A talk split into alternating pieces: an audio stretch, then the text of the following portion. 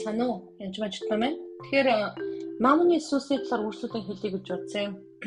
Тэгэхээр нэг ойлголтыг авах хэрэгтэй. Жишээл Изабелийн ч юм Мамны Иесус гэдэг зүйлүүдийг ойлгохын тулд нэг одоо сүнс ч юм уу тэр хүний дотор орчдөг гэж бас ойлгож болохгүй. А яагаад вэ гэх юм бол Эфес 6-гийн 12-ыг уншил та. Учир нь бидний тэмцэл бол махан бие ба цусны эсрэг биш. Харин захирагчд их мэдл энэхүү харахгүй ертөнцийн хүчнүүд тэнгэрдэг бузар мөгийн сүнслэг хүчний эсрэг. Тэгэхээр энэ бол яг захирагчийн буюу тэр principality буюу дээр одоо ноёрхож байгаа харахгүй сүнсний ноёрхогч нөр байна. Тэгэхээр эдгээр сүнс нь болохоор сатаны доор ажилладаг сүнсүүд байхгүй юу? Тэгээд доошогоо одоо ноён хатан юу гэдгийг тэгж байгаа доошоо демон тэгээд бүр доошоо янз янзын сүнслэг хүчүүд явж байгаа. Тэгэхээр энэ харахгүй хүчнүүд бол ганцаараа ажилддаг байгаа.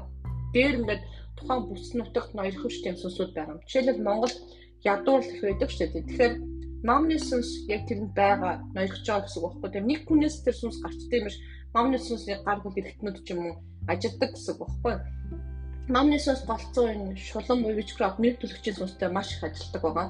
Аа тэгээд одоо хүнийг хавчих гэж оролддог байгаа. Ингэж тэгж болохгүй гэх. Тэгэхээр эдгээр сүнсүүд ерөнхийдөө тэр тухайн нутагсөөрж байгаа хүмүүс рүү дайрахаас гадна хамгийн их илүү бүр таргет буюу зорилтод дайрдаг буюу ба ингээ бай тавьсан юм шиг дайрдаг хүмүүс нь юу гэдэг вэ? Ялангуяа ийм одоо сарггүй мөнгөний дуудлагатай хүмүүс их дайрдаг байгаа. Тэгээд тийм хүрэн ч юм ингээд улаан янз бүрийн бай тавьчдаг хүмүүстэй тэгээд тэр хүмүүс рүү улам ингэж дайрч ордог гэсэн үг байхгүй. Тэгэхээр эхний ээлжин та янз бүрийн харахгүй сүсний бай байгаа бол тэр бүгдийг авч хайж ийн гэж залбирах хэрэгтэй. Яагаад гэвэл тэр чинь таныг таргетлсан буюу бүр зорилттой байнгын сум харуулж ийн гэсэн үг байхгүй. Аа тэгэхээр ямар нэгэн өргөтийг оруулах гэж оролддог. Ялангуяа өрөнд оруулах гэж оролддог. Өр санхүүгийн төв хүлээс үндэд оруулах гэж оролддог. Тэгээд дандаа гачигдлыг бий болгож идэг бас. Тэгээд хүлээсийг тэгээд санхүү мөнгө чинь боож баймалдаг бизнес чи явуулахгүй ч гэдэг юм уу А тэгэхээр мөнгө санхүүгийн дуудлагатай хүмүүсийг хүмүүс одоо буруугаар ойлгох гэж оролддог л да. Юу вэ гэж хэлэхээр одоо чи шуналтай болох гэдэг байна. Шунлаар удирдуулж энэ буруу ч гэх юм уу тэгж ярих гэж оролддог. Нөгөө талаа бас яг тэр санхүүгийн дуудлагатай хүмүүс бас тэгж шашны сүнсүүд хүртэл бас дайрдаг байгаа. Яг л тэр хүн одоо тангарын хаажлын санхүү гар өрөөгөөд олон одоо сүмж болгоныг босгон байгуулах хүмүүс хүн байж магадгүй байгаа байхгүй. Учраас тийм учраас ингэж баг дээр нь дайрдаг байгаа.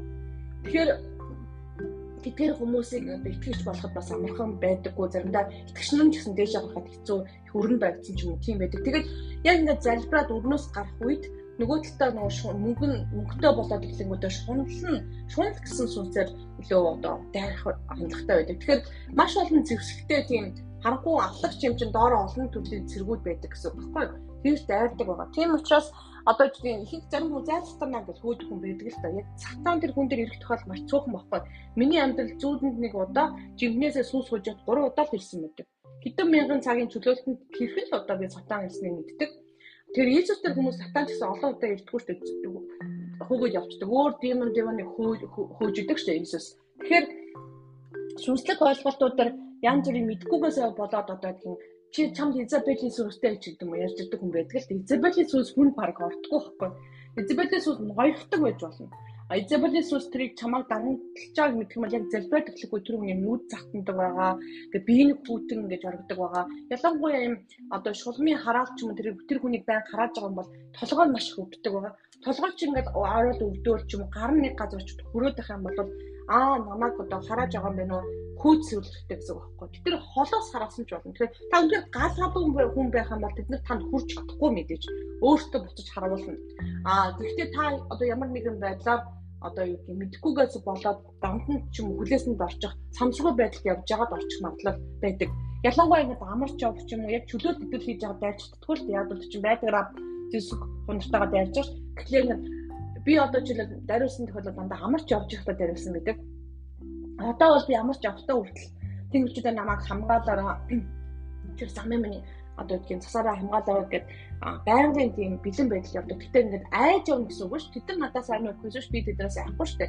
Тэр харанхуй хүчнийг яг одоо намайг дойлохж байгаа, дарамхуулж байгаа тэр харанхуй хүч ноёлтуудыг назар Иесус нар авч ийн, бүлж ийн гэдэг нь хийх хэрэгтэй.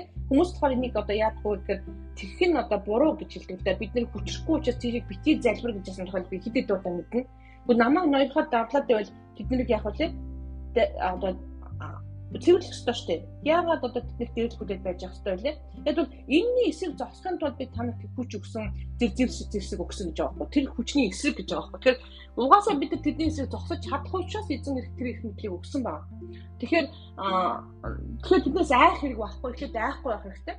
Тэгээд газар Есүс нүдэд бүх тэр санхүүгийн хүлээзүүдийг авчиж намайг хавчиж байгаа, боомлж байгаа тий тэр бүх зүйлийг авчиж. Тэгэхээр Мата 6-гийн 26-30 та нар бас дахиж уншаарай санаа зовлон орж ирдэг байгаа. Тэгэхээр ялангуяа хувцсноор хоол унд юу гэдэг маргааштай санаа зовсон бичиг баримт юу гэдгийг ямар нэгэн юмдаа санаа зовлон орж их дайрах аюултай байдаг байхгүй. Тийм учраас санаа бүү зов гэж эзэн бүхэн тушаасан ба. Тэгэхээр санаа зовлтын сүнсийг авч хийж Назарын Есүс нэрээр харанхуй сүнслэг хүчүүдийг бүгдийг чөлөөлтөг авч хийж хийж Назарын Есүс Христийн нэрээр гээд тэгээд эзэн намаа тав намайг үүлэн багнаар хамгаалаараа өдөрт нь шүнд нь үнээр галан багнаар хамгаалаараа намайг тэр яг харагч бай болж байгаа сүнсүүдийг бүх нүдчгийг сохолж намайг олж харахгүй байх болно. Миний юу хийж байгааг мэдэхгүй байх болно. Миний санхүү эдийн засаг мөнгө харилцаа холбоо тий бүх ид төрөнгнөөс заавал назар Есүс нэрээр бүр хүүхдүүдээс зайлцгаа гэж хөөх хэрэгтэй л дээ. Тэгж залбирах явдал маш чухал байгаа. Аа тийм учраас аа тэр чинь сүнслэг дарамтууд бас танд одоо байж болно гэсэн үг байхгүй. Заавал сүнс чөлөөлөх биш. Тэгээд дарамтаас гал явдал маш чухал байгаа.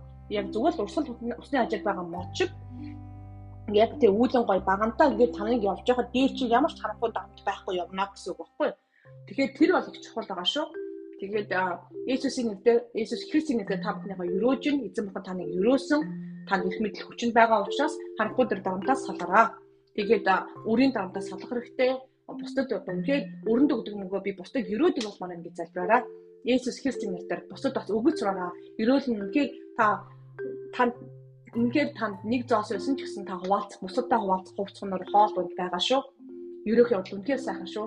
Өгсөн авснасаа илүү гэрүүлтөё. Амен.